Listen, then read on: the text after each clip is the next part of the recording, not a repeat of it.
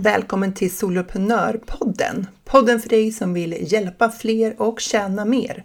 Jag heter Jill Nyqvist och det är dags att skapa stordåd.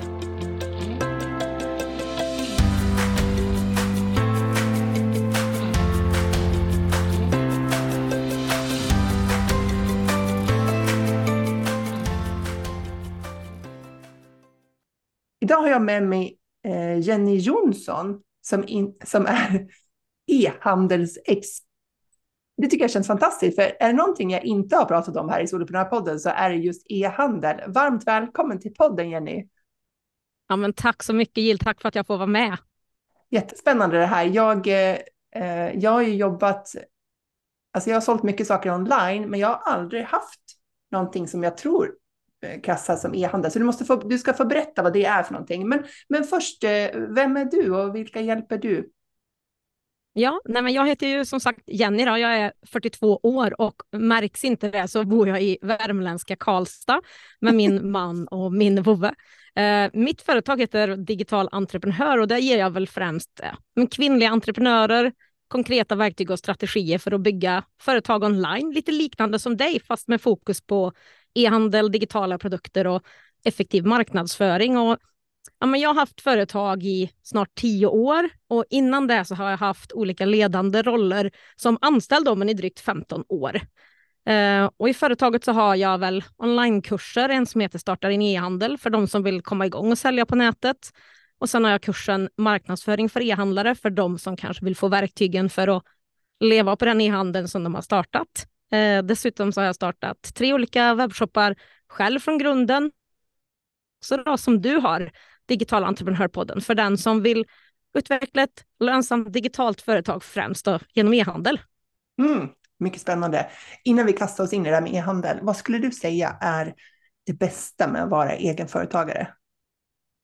Ja, men det är nog verkligen friheten att få bestämma själv. Jag tror att jag skulle vara en superdålig anställd som det är nu. Jag tycker om att bestämma när och var och hur jag jobbar, att jag vill kunna jobba mer hemifrån och, och så där. Så för mig så är det men, friheten att få bestämma över arbetstiden och över det jag verkligen vill satsa på. För jag brinner ju för att utveckla och hjälpa andra. Och det är inte alltid man får bestämma det när man är anställd, vad man vill göra. Så det är väl de grejerna. Ja, ja. just det där ordet frihet tycker jag eh, att kommer, kommer tillbaka ofta när jag pratar med företagare. Och jag tror att jag säger det själv också.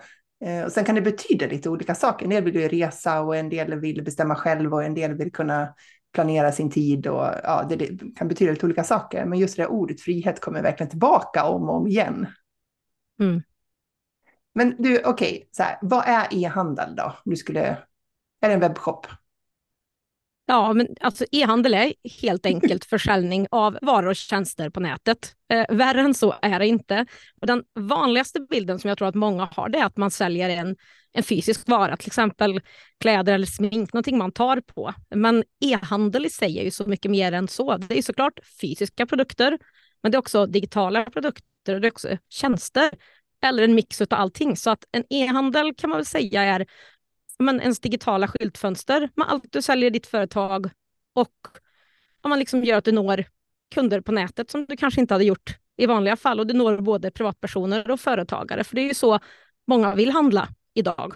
Mm. Um, och sen kan man väl säga att en e-handel automatiserar många delar av de moment som krävs i ett köp. Gör du liksom rätt när du bygger den här webbshoppen så guidar du ju kunden till köpet med webbshoppen och texten utan att du egentligen behöver prata med kunden eller vara på plats. Eh, den tar också betalt åt dig, den skickar ett kvitto. Säljer du digitala produkter så skickar den också produkten åt dig utan leveranstid och kostnad direkt till en kund. Eh, så en e-handel är ju en butik på nätet, inte begränsad till en fysisk plats. Så, ja, men sen är den ju öppen dygnet runt, året om, utan semester, om det är det du vill ha. Ja, just det. Den, den exemplariska anställde Ja, behöver någon, ingen återhämtning, ingen semester eh, och så. Men du, alltså då är alltså jag en e-handlare också, om jag säljer medlemstjänster och onlinekurser. Ja, det är ju i den bemärkelsen som e-handel, absolut. Och sen så är det ju i den mesta liksom vanliga snacket så är det ju webbshoppen i sig. Men en webbshop säljer ju olika saker på nätet. Men eh, Det kan ju vara så, har man en medlemstjänst så kanske man sitter med en medlemsportal eller har man kurser kanske man har en kursportal som gör vissa delar av försäljningen åt en. Man kanske inte har en dedikerad e-handel till exempel, men det är själva processen för att sälja och köpa varor och tjänster på nätet. Ska jag säga någon gång, så här, vad, vad gör du i ditt företag? Ah, jag håller på med e-handel. Mm, det tycker jag absolut. Expert på e-handel kan du säga nu. Får jag en följdfråga så kan jag bara prata om online-tjänster och medlemstjänster i alla fall. Ja, men, men, ja, ja, jag hade nog gått i den fällan. Jag hade nog tänkt att det var liksom så produkter. Det är det som jag tänker på i en e-handel. Va, vad säljer de företagen som du hjälper? Va, vad är det vanliga saker man har i sin portfölj? Ja, men jag tror att många tänker ju... Alltså jag, tror, jag har två typer av ja, personer som jag hjälper. Dels så är det ju privatpersoner som kanske ja, man är lite trötta på att vara anställda och vill bli sin egen boss och ser att e-handel och kanske lite mer frihet är det de vill göra. Um, och då kan det vara allt ifrån att jag eh, har sett de här fina ljusen som jag vill stöpa och sälja eller jag vill trycka tröjor eller jag vill jobba med digitala produkter. Men mest skulle jag säga att det är fysiska produkter. Och sen så har man ju de här andra som är företagare. De kanske oftare ja, men, Säg att de har en butik eller att de har en salong. Då har de redan produkter som de kan sälja. Och egentligen bara skaffa sig en digital försäljningskanal till med att lägga upp dem. Eller så vill man förpacka kunskap i mindre digitala produkter och sälja i webbshoppen. Eller så har man en bok eller någonting som man vill sälja och vill att någon, någon plattform ska sköta lite mer automatiskt åt en. Ja, nu när du sa sådär. Jag har ju två böcker. Kan jag göra en webbshop då och sen så jag måste ändå skicka ut den då? Eller den hjälper till med betalning och kvitto då? Eller vad? Ja, allting sånt. Men just när det gäller liksom frakt som är för fysiska produkter så är det ju du som skickar den om du har den hemma. Eller så är det någon annan som skickar ja. den åt dig. Så nej, riktigt där är vi inte än i anden att den packar och skickar åt dig också. Att man, kan, man, man skulle kunna önska. Men du, eh, när du sa sådär, man har en butik och man säljer varor i butiken och så. Eh, då kan man tänka sig Eh, jag som ska till frissan efter det här då, därför jag ser ut som galna professorn. Eh, då, jag har tänkt så här, min frisör säljer ju hårprodukter i salongen. Eh, och eh, då tar ju de där slut innan man ska dit och sen har inte jag vägarna förbi och så köper jag någonting annat så blir jag missnöjd med det. Så att egentligen så skulle hon kunna ha en webbshop kopplat, för hon har ju redan online bokningssystem, det antar jag att alla frisörer har nu, men de skulle lika gärna kunna koppla på en webbshop då så kan man köpa produkterna via dem, eller? Absolut, och det är det här som jag ser, det är väldigt underutvecklat på det här sättet. Det är ju inte alla företag idag eh, som är så digitala som oss långt ifrån.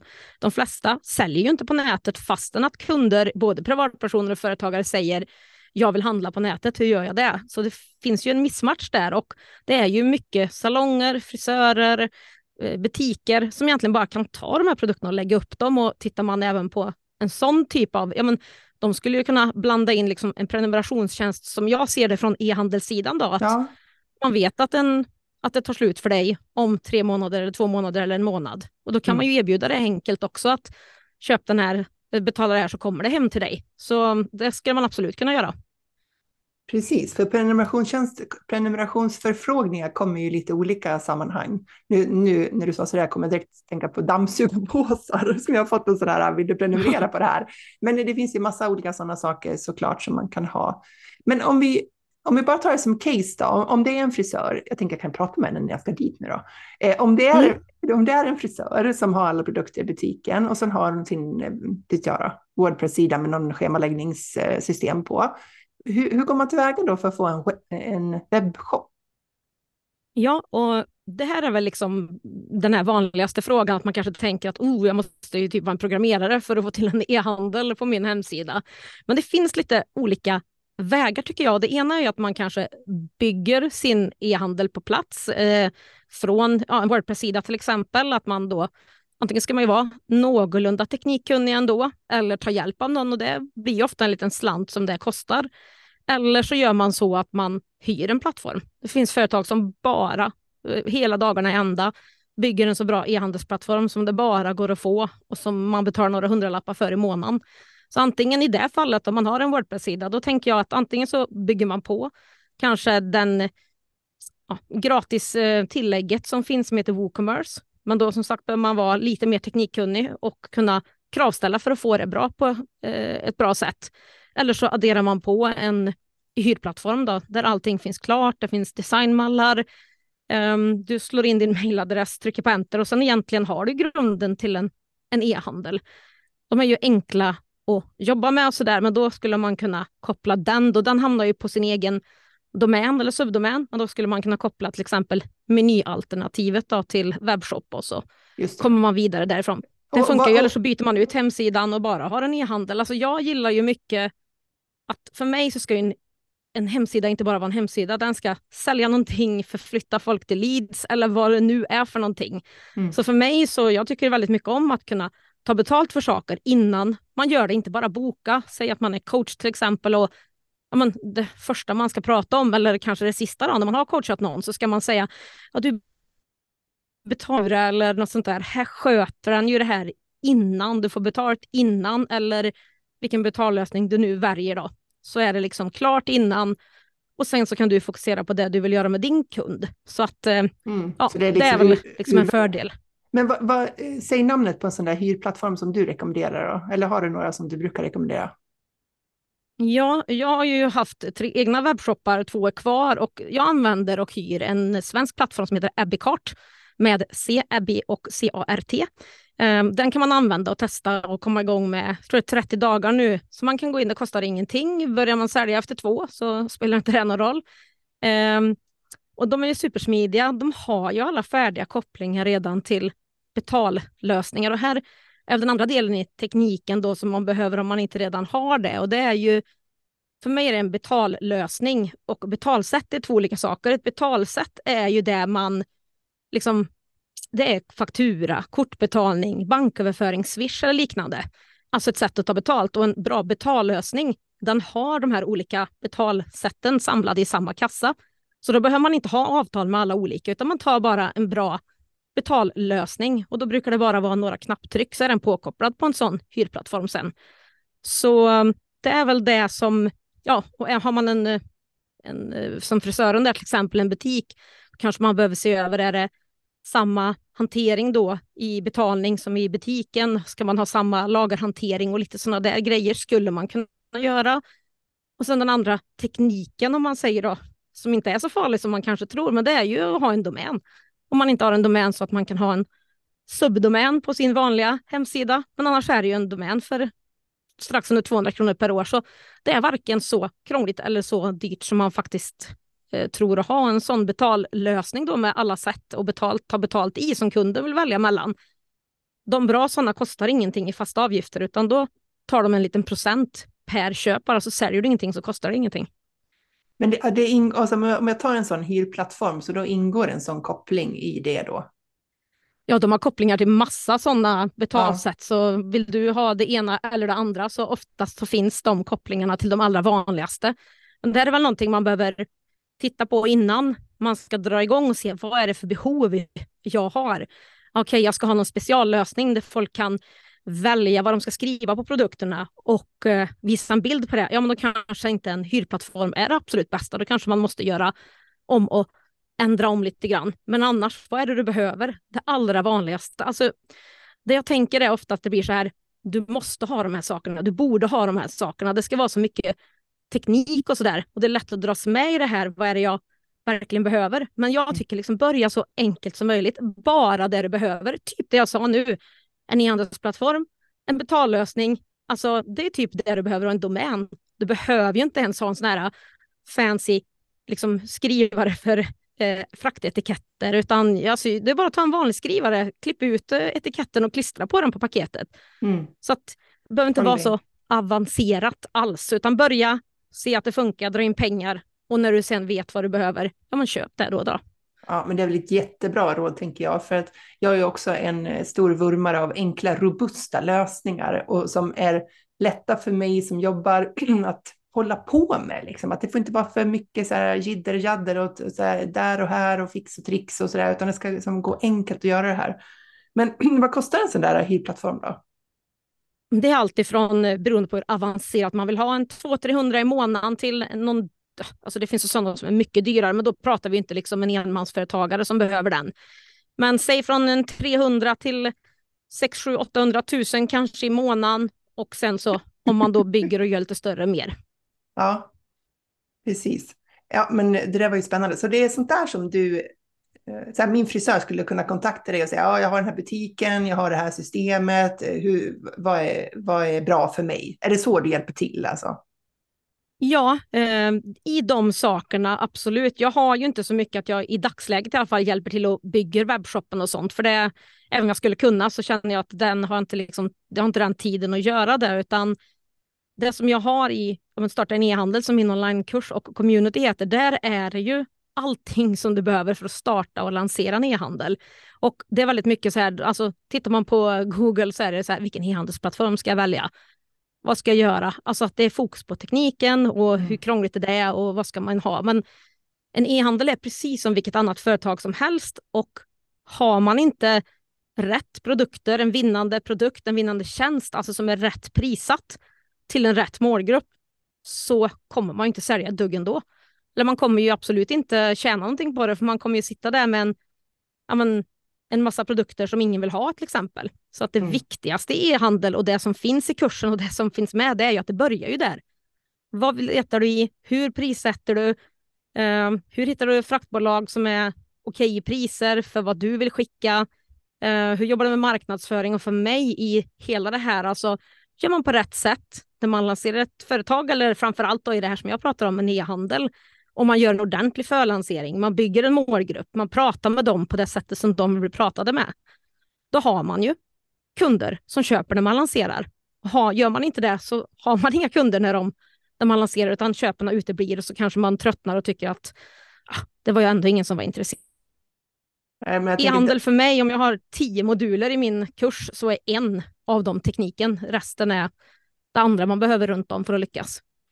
Mm, jag känner igen det där. Alltså, det, jag hade precis en föreläsning innan vår inspelning här nu som, eh, som eh, handlade om hur man kommer igång med en podcast. Och det är så roligt där, för det är precis samma sak där, att det är jättemycket frågor kring så här, vilken, eh, vilken plattform ska jag ha, vilken mikrofon ska jag ha, vad behöver jag för studio eh, och massa så här tekniska frågor. Och grejen är den att så, här, så fort man har löst dem så är de löst. Alltså det, det, det är liksom när det är gjort, när det är beslutat vilken, vilket ljudfilshotell du ska ha så har du gjort det. Liksom. Det stora jobbet är ju det här kontinuerliga med att eh, spela in avsnitt och marknadsföra dem och göra det här löpande arbetet. Men det, det är mm. nästan ingen som frågar om. Nej, nej det, det, blir så bakvänt allting. Jag förstår, man blir ju lite osäker. Kan, klarar jag av det här som krävs? Och mm. I e-handelsbranschen så är det ju många, tycker jag, som liksom har teknik som intresse. Eh, det är många som säljer teknikplattformar och då blir det mycket snack om att du borde ha det här och det här. Och och då kan jag bara gå och säga bara nej, det behöver du inte. Ta något enkelt, börja sälja och sen så kommer du bli bättre ja, men, equipped med att veta vad du faktiskt ska ha för någonting och det är då du kan investera i något annat om du skulle behöva. Om. Ja, exakt. För då, då har man verkligen kunskap om så här, nyanserna i det där, vad behoven är egentligen. Jag tänkte mm. också på det där just om man ska starta, lansera och driva en framgångsrik e-handel, att man får börja med att bygga upp sin målgrupp och att hitta dem som, och prata till dem så som de vill bli pratade till. Och det är också ett vanligt misstag och jag gjorde exakt det misstaget själv också när jag började jobba online. Det är att jag, jag la all fokus på att utveckla min tjänst i det, en onlinekurs var det då. då. Eh, och sen när jag var klar med det, vilket var ett himla slit och tog pinsamt lång tid, så tittade jag upp och så tänkte jag så här, ja då ska jag sälja den här då. Och då hade jag ingen att sälja till, för jag hade ingen att kommunicera med. För jag hade suttit hemma på kammaren och filat på mina powerpoint-presentationer och kursmoduler och, och arbetsblad och övningar och allt vad som ingick i den där kursen. Så att det var nog inget fel på kursen. Problemet var ju att jag hade inte byggt någon liksom, mottagare till det där. Och ja, det, då gick det ju trögt. Ja, så är det. Och det här är nog alltså, typ det vanligaste misstaget som man ser. Det är att man lägger fokus på tekniken eller produkten, vilket man, man klart man ska lägga fokus på en bra produkt. Men under tiden så måste man ju ha någon att sälja till när man väl lanserar. Så det gäller ju, jag brukar se det liksom som att från och med att du vet att du ska starta en e-handel, du har en produkt eller tjänst eller vad du nu har, för e-handel kan ju vara vilket som egentligen, så börjar du prata om det du vet och så funderar du på liksom som en en story i ett manus eller någonting, så här, en ruta varje dag nästan i sociala medier eller mail eller vad du vill. Om kunden står där i början när du börjar prata om det här och vet ingenting om vem du är, varför du lanserar, varför de här produkterna är bättre, varför de behöver de här. Tills den dagen du bestämmer att du ska lansera, då vet de allt det här. Vem är du? Varför är det viktigt för mig? Och varför ska jag stå där köpredo och klar? Om du pratar om det löpande till rätt målgrupp och bygger den, ja men då har du ju kunder. Mm. När du börjar, då finns det ingen anledning att inte ha det. Men det här är ju, ja men det här är nog det, som jag sa, det vanligaste misstaget. Man glömmer helt det där. Vad tror du att man, varför går man i den där fällan tror du? Nej, för att man bara vill att produkten ska bli så bra och eh, man måste liksom, det är ju mycket kraft att bygga en kurs eller ett program eller att ta fram en produkt. Eh, jag har tagit fram egna produkter i Kina eller olika saker. Så det, det tar tid. Det är mm. krångligt, eller krångligt, men det, det, tar tid och det kan kosta lite grann. Mm. Så att man blir så fokuserad på det och hur bilderna ska bli så bra och att allt ska vara så bra och kanske lite perfektionistiskt så där att allt, man tror att man ska klara av att göra allting bäst, men det gör man inte. Man gör så bra som man kan och sen så lär man sig längs vägen. Mm. Verkligen. Eh, det jag stöter på ofta också det är att man, man tänker att jag kan inte börja kommunicera det här förrän jag, eh, förrän jag är klar så att jag vet vad jag ska kommunicera. Eh, alltså att, att man behöver liksom ha sin tjänst väldigt tydligt eh, färdigpaketerad. Eh, ungefär som att man skulle säga något fel kanske, liksom annars. Så att mm. Jag vet inte exakt vad som kommer hända, jag vet inte vad som kommer bli, jag vet inte exakt vem jag ska prata till eh, och sådär. Och då, då den där um, osäkerheten gör att man tänker att man måste vänta in den där klarheten. Mm, nej, men jag håller med dig. Och, alltså, jag brukar tänka, liksom så här, men vad vet du då? Brukar jag säga, liksom så här, vad vet du? Du vet ju vem du är. Du vet varför du har startat den här. Du vet ju onekligen någonting om dina produkter och vilka problem de löser förhoppningsvis. Eh, hur man använder dem och liksom bara prata till de här sakerna som folk faktiskt behöver veta och ha löst eller få bort orosmoment eller vad det är innan. Fundera på vad det är, ta det du kan i början och sen bara bygger du på allt eftersom det börjar närma sig lanseringen. Så, mm. Jag tycker ja. det är ett jättebra råd faktiskt i all sin enkelhet för att istället för att fastna i allt som fortfarande är oklart så ta hem det till okej, okay, men vad vet jag just nu? Vad är sant mm. just nu utifrån det där jag står? Och så börja där. Det är väl jättebra tips att starta. Men hur får man fart på sin försäljning då? Ja, nej men eh, det är väl som eh, ja, men allting annat också, skulle jag säga, ett vanligt företag också. Men när det gäller e-handel så är ju det en butik på nätet och det är ju ingen som vet att man finns om man inte berättar om det, speciellt på nätet. Man har ingen gågata, man har ingenting att stå på. Alltså, man syns ju inte ens på Google inledningsvis, om det inte är så att man aktivt eh, ser till att lösa det här rent tekniskt, då, utan den kommer ju hoppa igång månader eller veckor om det skulle vara så. Och då hamnar man inte så långt upp i sökarna heller. Så att det är, man syns ju inte om man inte bygger den här målgruppen. Så eh, att löpande bygga målgruppen med ens ideala kunder, eh, förflytta dem längs den här men kundresan eller köpresan, att gå från en like till att vara intresserad till att bli kunden. Det är där jag tror att man måste hela tiden fylla på med nya leads, om man nu får kalla det så, eller en ny målgrupp, nya följare som är intresserade in och det kan ju vara via podden som det kommer här till exempel till dig eller ens Instagramkonto eller hur man nu jobbar. Och sen kanske man förflyttar dem ner på mejllistan eller gör en annonsering, återannonsering eller någonting sånt där, eller börjar göra något liknande och sen förflyttar dem mot ett, liksom komma med ett, ett, erbjud, ett riktigt erbjudande egentligen. Så att hela den vägen att, om man inte glömmer det, alltså det finns ju inga genvägar, inga genvägar. Alltså, det handlar om att konsekvent prioritera sin marknadsföring. Alltså desto mer konsekvent du kommer att vara, desto mer konsekvent kommer dina intäkter att vara. Även om det inte känns som det händer någonting inledningsvis, så bara fortsätt vara konsekvent, prioritera marknadsföringen och det man gör det är att bygga den här snöbollen som bara rullar sig större och större. Desto fler av din ideala kund som hittar dig i toppen på den här kundresan eller tratten, mm. det är ju den, desto mer försäljning får du ju. Så att det är där någonstans det är. Och sen ja, men för ytterligare saker för att få fart på en försäljning. Ja, men se till att försöka höja kundens ordervärde när den ändå handlar i din webbshop. Eh, och det kan man ju göra på lite olika sätt och se till också att eh, få återkommande kunder såklart. Det är ju superviktigt också i vilka företag som helst, men också i e-handel. Att inte bara tänka, okej okay, nu ska jag sälja, men hur får jag nya kunder då?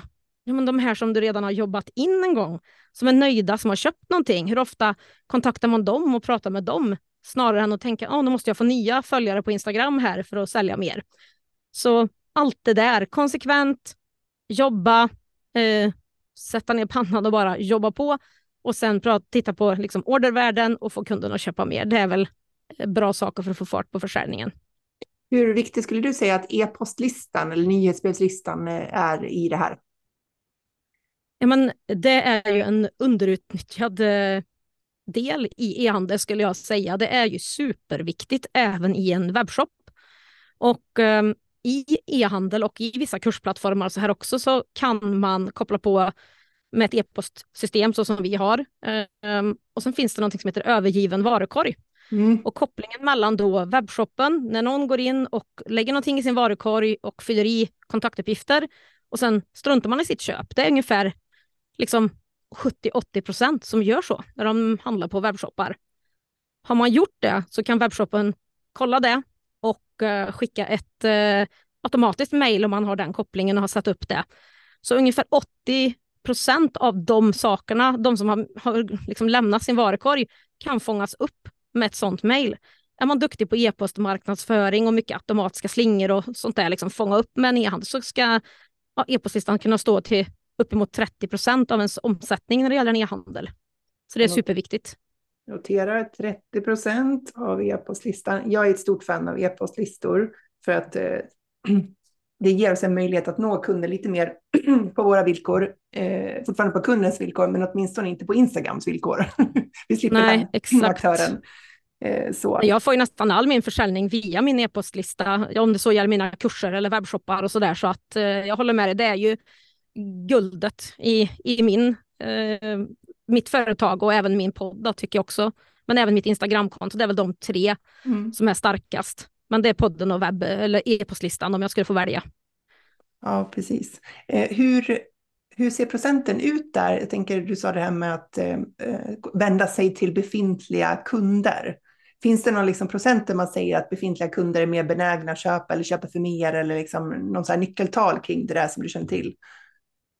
Ja, det finns ju lite olika eh, sådana som jag har hört till och från, men det är ju liksom upp till tio gånger så svårt att få en ny kund som att få en befintlig att handla. Det är typ onödigt, totalt onödigt. Och det är klart man måste få nya kunder hela tiden, mm. men inte glömma bort de här som sitter där som man har och se till att man har i sin e-handel, sitt företag, något erbjudande där de befintliga kunderna kan handla igen. Och ofta i en e-handel så blir det att man erbjuder att du får 20% eller 10% om du går med på min e-postlista.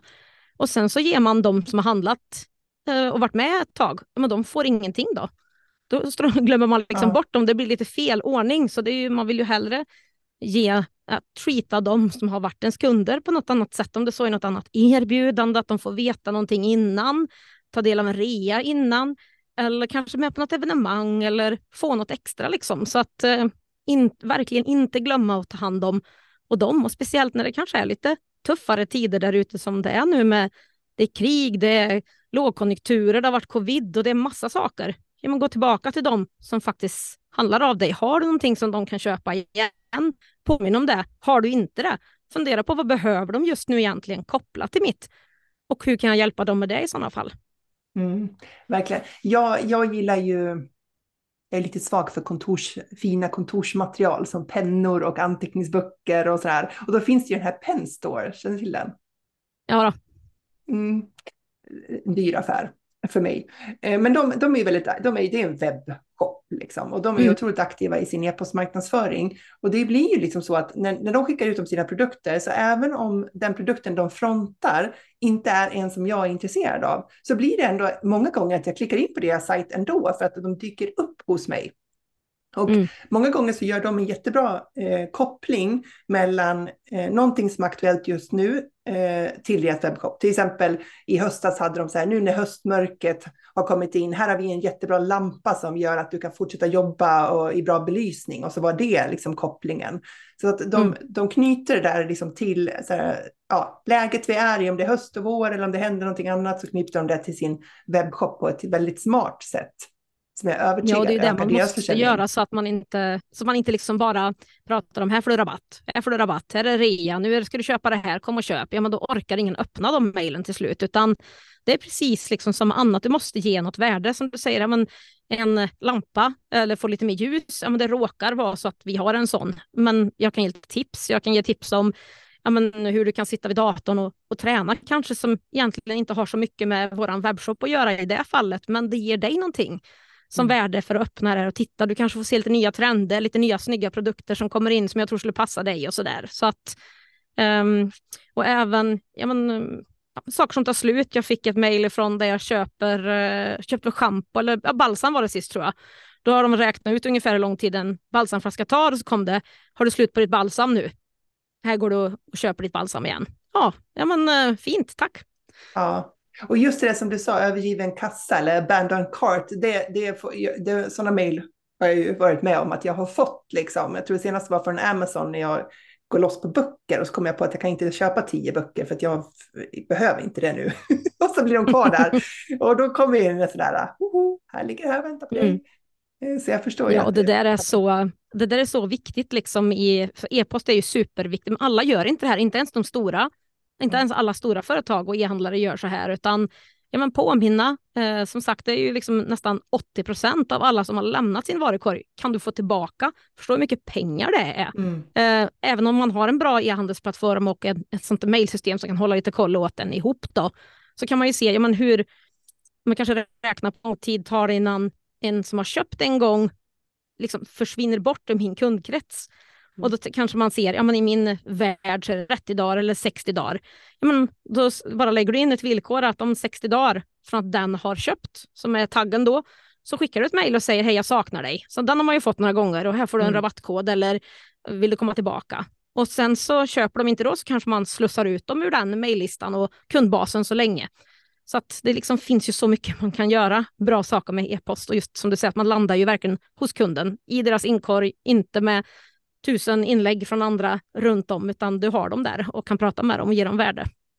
Det är så smart just det där med automatiseringen, tänker jag. Att så här, det är inte så att jag behöver gå runt och klicka runt och se, finns det någonting i varukorgen här i mitt system? Utan så här, det triggas automatiserat, eller det, det triggas av tidsintervall från det handlade senast eller så där. För är det någonting som vi är bekänta av, alla företag i och för sig, men jag tänker vi som är soloföretagare som, som, har, som ska göra allt i företagen, så behöver vi Alltså allt som går att automatisera med så gott resultat är ju perfekt. Ja, verkligen. Och det är en av de stora sakerna som jag tycker så mycket om med e-handel i sig. Det är ju att istället för att, liksom, att någon måste kontakta dig eller jaga dig eller titta på en hemsida som egentligen inte alltid lyckas generera något lead eller någon försäljning, utan vi har information på dem. Så kan webbshoppen med, om du bygger upp den på ett bra sätt, så ska den kunna förflytta en besökare till en köpare köpare och det gör man genom att bygga en webbshop på ett smidigt sätt, alltså en startsida. Det är som allt annat, du har några sekunder på dig för att få kunden att känna att här hör jag hemma, jag fattar vad du säljer för någonting eh, och jag är intresserad. Så startsidan ska liksom guida personerna vidare, förstå vad det är och ut till produktsidorna. Produktsidorna med produkttexter och produktbilder. Där ska man få svar på allting som man har om produkten eller tjänsten eller vad det är nu man säljer. Man ska liksom inte behöva gå någon annanstans och leta på massa olika ställen utan den ska starten ut i produktsida, guidas vidare därifrån, tydlig köpknapp, tryck på köp, gå till kassan, där ska det vara smidigt, veta hur gör du? Inga överraskningar om frakt 79 spänn. Det är en av de vanligaste anledningarna till att folk eh, släpper varukorgen i kassan. Det är för att ingenstans så stod någonting om frakt innan. Och nu säger att det kostar 79 kronor. Men det var jag inte beredd på, så då vill jag inte betala det. Så hela den här vägen, hela den här automatiska säljprocessen gör ju en webbshop åt dig om du lägger jobbet en gång, skriver, gör och får en bra, ett bra flow i den som konverterar och förflyttar kunden. Så, ja, Sen så det... ger den kvittot, den tar betalt, den gör allting och säljer digitala produkter som är pdf-er, e-böcker och sånt där, då skickar den ju ut åt dig också. Så du ja. behöver inte ens göra någonting, du bara trycker i att den är levererad och, och sen så fixar den det åt dig och så får du betalningen och så går den automatiskt till kundens inkorg. Då. Mm. Nej, men det är helt otroligt. Alltså, det är smidigt. Det är viktigt att tänka igenom hela flödet. Eh, är det så att de här um, plattformarna har e-postfunktion i sig också, eller kopplar man på ett e-postsystem och i så fall vilket rekommenderar du då? Ja, vissa av dem har, eh, men de allra flesta har inte ett sånt som är nog bra inbyggt. Eh, mm. så. Och det spelar, det är det, så här som det är som tråkigt svar, men det spelar roll. Eh, det är olika, det beror på vilken e-handelsplattform du har och vad deras starka koppling är till vilket e-handels eller vilket e-postsystem. Okay. För det kan mm. vara så, ska du bara skicka ut vanliga veckobrev som du liksom automatiskt eller manuellt då trycker eller lägger in att det ska gå på torsdagar och sådär. Då funkar de allra flesta eh, sådana e-postsystem. Men är det så att det verkligen ska prata så att du kan se exakt i e-postsystemet också vad en kund har handlat för och när man kan se, åh den här har ju handlat för tusen, ja men det här, måste jag lägga en VIP-tagg på och se till att den blir inlagd i någon annan slinga eller någonting, då blir det mycket, mycket mer eh, begränsat. Så det beror helt och hållet på vilken plattform har du, vilka pratar den med. Eh, men om man ser som ConvertKit som jag har i Digital Entreprenör som, som inte har den funktionaliteten, den funkar inte riktigt bra till en webbshop, men den funkade bra till andra saker. Men säg mm. att eh, de vanligaste plattformarna ändå, det finns ju massa fler, men de vanligaste är väl Mailchimp som kan fungera bra till de flesta plattformar. Och sen finns det något som heter Klaviyo eller Clav Clavio eller vad ni ska mm. kalla det för, eh, som också är väldigt bra för e-handel, eh, men som inte passar till alla eh, webbshoppar eller hemsidor. Då. Ja, just det. Jag har sett i Mailchimp att det finns de här uh, funktionerna just för e-handel där. Det, man ser det när man gör nyhetsbrev att det ligger där. Jag har, jag har inte haft någon sån här produkt att sälja så att jag har inte använt det, men jag har sett det. Nej, ja. Det går ju också att uh, placera um, sån övergiven varukorg, eller abandoned karta som det heter. Det kan ju gå, beror på vilken plattform man har, men det går ju att lägga det på en kursplattform eller kanske medlemsplattformen också, så att det går ut ett mejl om någon går ur kassan där också åt dig. Mm. Det man ska kolla på. Du, det ska hur, man kolla på. Hur, hur, vanligt är det med att man har liksom lagret hemma om man startar en e-handel med produkter? Jag skulle säga att det nog är det allra faktiskt i, i dagsläget. Ehm, de flesta liksom köper produkter hem och har det där, så att jag skulle säga att det är nog det allra vanligaste. Sen så kommer det väl liksom till att det finns något som heter 3PL, då är det tredjepartslogistik. Då, är det någon, då har man liksom köpt produkterna men kört iväg dem till ett annat bolag som packar och skickar dem. Men du äger liksom fortfarande produkterna. Här behöver man ju liksom se vad är villkoren, vad kostar det och så där. Men har man bra marginaler så kan ju det vara en en lösning där man kan vara med och styra lite grann. De här förpackningarna vill jag ha, såna här tackkort ska det vara i och liksom få det att se bra ut. Men sen så är det ju men någonting som det pratas ganska mycket om nu då, det är väl dropshipping eh, och det är ju en affärsmodell där man du som företagare och e-handlare egentligen äger inte produkterna, har inget lager, utan du marknadsför och säljer någon annans produkter i din webbshop. Din e-handel är mellanhanden mellan kunden och leverantören och leverantören, distributören, tillverkaren, de levererar produkterna direkt till din kund. Um, du kan liksom ha en hel webbshop enbart med sådana produkter, med andras produkter. Du tar aldrig ens i produkterna. Eller så är det så att du till exempel säljer inredning och några tunga bord och några stolar. Det har leverantören gått med på att skicka direkt, så då lägger du bara upp en bild och när beställningen kommer så skickar du iväg den till den leverantören som skickar åt dig. Då. Och det är ju en bra vad ska man säga, affärsmodell. Den är ju väldigt populär eh, och det finns jättemånga bra fördelar med den också. Och det är att det är en låg startkostnad. Du behöver inte ha egna produkter hemma, du behöver inte packa och skicka själv. Men liksom nackdelarna som man måste vara medveten om det är att långt ifrån alla leverantörer erbjuder ju dropshipping idag eller sådana produkter. Och oftast är det ju mycket lägre marginaler. Ofta kommer de från Kina, det är långa frakttider. Eh, och det kan också vara lite svårt att om man väljer den vägen, att liksom synas genom bruset och få den här egna lilla känslan, ja, men du söker och så på en produkt och så kommer det upp 20 webbshoppar som ser nästan exakt likadana ut. Så du måste vara duktig på marknadsföring, duktig på ett eh, varumärke och jobba med det för att liksom få upp dina egna produkter. Så. Eller så måste du vara duktig på att bara bygga webbshoppar, sitta med annonsering och pusha på och ta den vägen istället om du ska jobba med eh, dropshipping tror jag. Mm. Så mm, det är väl en sån grej. Sen en annan variant på sån dropshipping, det är ju någonting som heter print on demand och det är oftast kläder, muggar, prints. Du designar någonting eller tar fram ett tryck.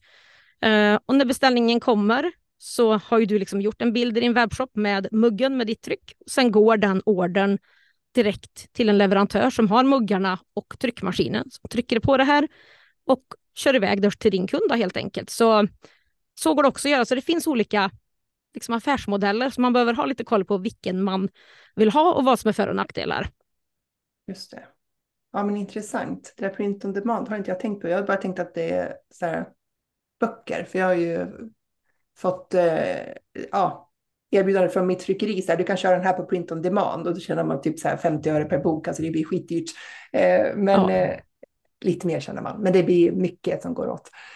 Så, men eh, det är klart att det är också andra saker som muggar och vad man nu kan tänka sig trycka på. Mm. Ja, prints eller mycket olika saker. Sen, sen kanske går att titta på att någon annan, kanske lokalt, skickar åt en istället. Det här är ju en sån här sak som man måste titta på vad man tjänar på. Många glömmer liksom bort alla kostnader som ligger runt om. För mig, liksom, när man ska ha en produkt som man ska sälja, så är det ju med så här, inköpspriset såklart. Eh, och det är ju viktigt, men Ofta om man köper från något annat ställe så är det en frakt. Idag är frakt jättedyrt. Det kan vara att du får en produkt för 10 spänn, men när du köper dina produkter så kostar de 40 spänn helt plötsligt för frakten var så dyr, för du mm. beställde också ganska få. Sen så är det ju tiden som du lägger med att liksom packa, få ihop dem eller tillverka dem. Det ska du ta betalt för, annars kommer du aldrig kunna ta ut en lön i en e-handel. Eh, utan du måste ta betalt för det på något sätt. Alltså räkna ut vad kostar, vad, ungefär vad skulle det kosta i timmen då att eh, tillverka en sån sak för mig. Säg att jag är den enda som kan göra dem i dagsläget. Ja, jag kommer ha den här timlönen. Jag kanske kan ta in någon som packar och skickar åt mig då. Ja, men då kanske de kan ha den här timlönen och så det tar tio minuter. Ja, hur mycket blir det? Mm. Um, och någonstans måste man ju lägga på fraktkostnad om det då är en extern fraktkostnad där det står i webbshoppen eller på produkten packmaterialet. Eh, och sen så behöver man ju ha x antal gånger. Jag har lite olika formler och sånt där för att det ska bli mer lättförståeligt i kursen ja. och så. Men mm. du behöver ju ha en marginal upp om du ska ha en återförsäljare emellan och sen om du ska ha en slutkundspris. Då. Så att det är inte bara bara att titta på en konkurrent, för det är inte säkert att de är lönsamma heller. Så att eh, räkna på det. Mm. Ja, precis. Det var många faktorer att ta med sig där i beräkningen som man kanske inte tänker på. Ehm, jag ser ju bara, apropå det här med portot, att portot, portot kostar mer än vad det kostar att trycka min bok som jag skickar ut. Så mm. tryckkostnaden för boken är lägre än vad portot är. Ja det, är, ja, det är ju inte kul. Eh, och det gäller det att hitta liksom rätt leverantörer också. Det här vet, börjar man ju lära sig efter ett tag också. Mm. Eh, och Det är sånt man får titta och se. Det finns ju kanske en, i, i, låga vikter och lite mindre produkter så finns det ju typ en sak som är billigast i Sverige i dagsläget som är Postnord varubrev som är det vanligaste. Kommer man upp så kanske man behöver en lite annan. Eh, tar man lite större paket så kanske man behöver en lite annan. Så mm. det är ändå några saker att liksom tänka igenom för att få lönsamheten. Jag upplever att många startar för att man tyckte att den där produkten var så kul, jag ville sälja den. Och sen så orkar man inte för man, man får bara en dyr hobby, man har inte räknat med allting. Så det gäller verkligen att se över leverantörer för port också, inte bara tänka ja men då går jag till posten och skickar den då. Nej, det finns jätteenkla sätt um, att göra det som blir mycket, mycket billigare. Mm. Nu fick jag dåligt samvete för jag går ju till posten och skickar dem där. det var lite det jag tänkte så här, ska jag säga någonting nu där? Men du får, jag tycker du får titta på Postnord varubrev skulle jag säga Jill, definitivt. Postnord varubrev. Ja, jag ska kolla. Jag har ju ändå några hundra böcker kvar som jag borde sälja av. Men det avslutningsvis då, vad, eh, vad skulle du säga är framgångsfaktorer för de som lyckas väl? Ja, men jag tänker att vi har ju varit inne en del på det liksom redan, det här med ett erbjudande som löser ett problem till en specifik målgrupp som är prissatt på rätt sätt så att det går att tjäna pengar på det. Um, en e-handel som är bra uppbyggd konverterar de här besökarna till kunder och sen även den här bra kundtjänsten, även om det bara kanske är via mail eller någonting som faktiskt hjälper kunden i beslutet och tar hand om problem om det skulle dyka upp. Och sen så, men utöver det så är det väl det här, alltså fler och fler startar handel. Det är ganska enkelt att göra det. E-handeln har haft en stor tillväxt, eh, vilket gör att det blir kanske också fler som finns, svårare och dyrare att hitta nya kunder. Så för mig är också den stora grejen att acceptera när man är företagare och e-handlare, att man är en marknadsförare. Oavsett ja. om man vill det eller inte. Man inte kan marknadsföring eller vad det nu är för ursäkter som man har. Man hinner inte prioritera. Man tycker att det är roligt att trycka sin t-shirt än att sitta och sälja. Men det finns inget annat alternativ. Man vill kunna leva på det, tjäna pengar på det. Det är att göra marknadsföring och försäljning till en prioritering i sitt företag varje dag. Så sant som det var sagt. Eh, om man nu vill, är lite sugen på det här med e-handel och vill veta mer om dig och dina tjänster, var hittar man dig då? Ja, men då kan man gå in på digitalentreprenör.se, på tal om det här med jobbiga stavningar, gill på entreprenör, entreprenör på engelska, entreprenör.se. Eh, där kan man eh, kika på alla avsnitt av min podd Digital entreprenörpodden. Man kan ladda ner olika gratis guider och checklistor om man är nyfiken på att komma igång. Och sen finns det också där eh, information till eh, mina två onlinekurser, starta din e-handel och marknadsföring för e-handlare. Jag har en webbshop, jag har en e-handel för e-handlare ska du veta Jill, som heter Digital Entreprenörshop. Perfekt. Eh, och vill man connecta med mig på Instagram så är det också digital entreprenör och på LinkedIn så letar man bara upp mig, Jenny Jonsson. Tusen tack för att du var med på podden Jenny. Ja, men tack för att jag fick vara med Jill. Och så hoppas jag att du som lyssnar ser att det här med e-handel kanske är din väg till stordåd.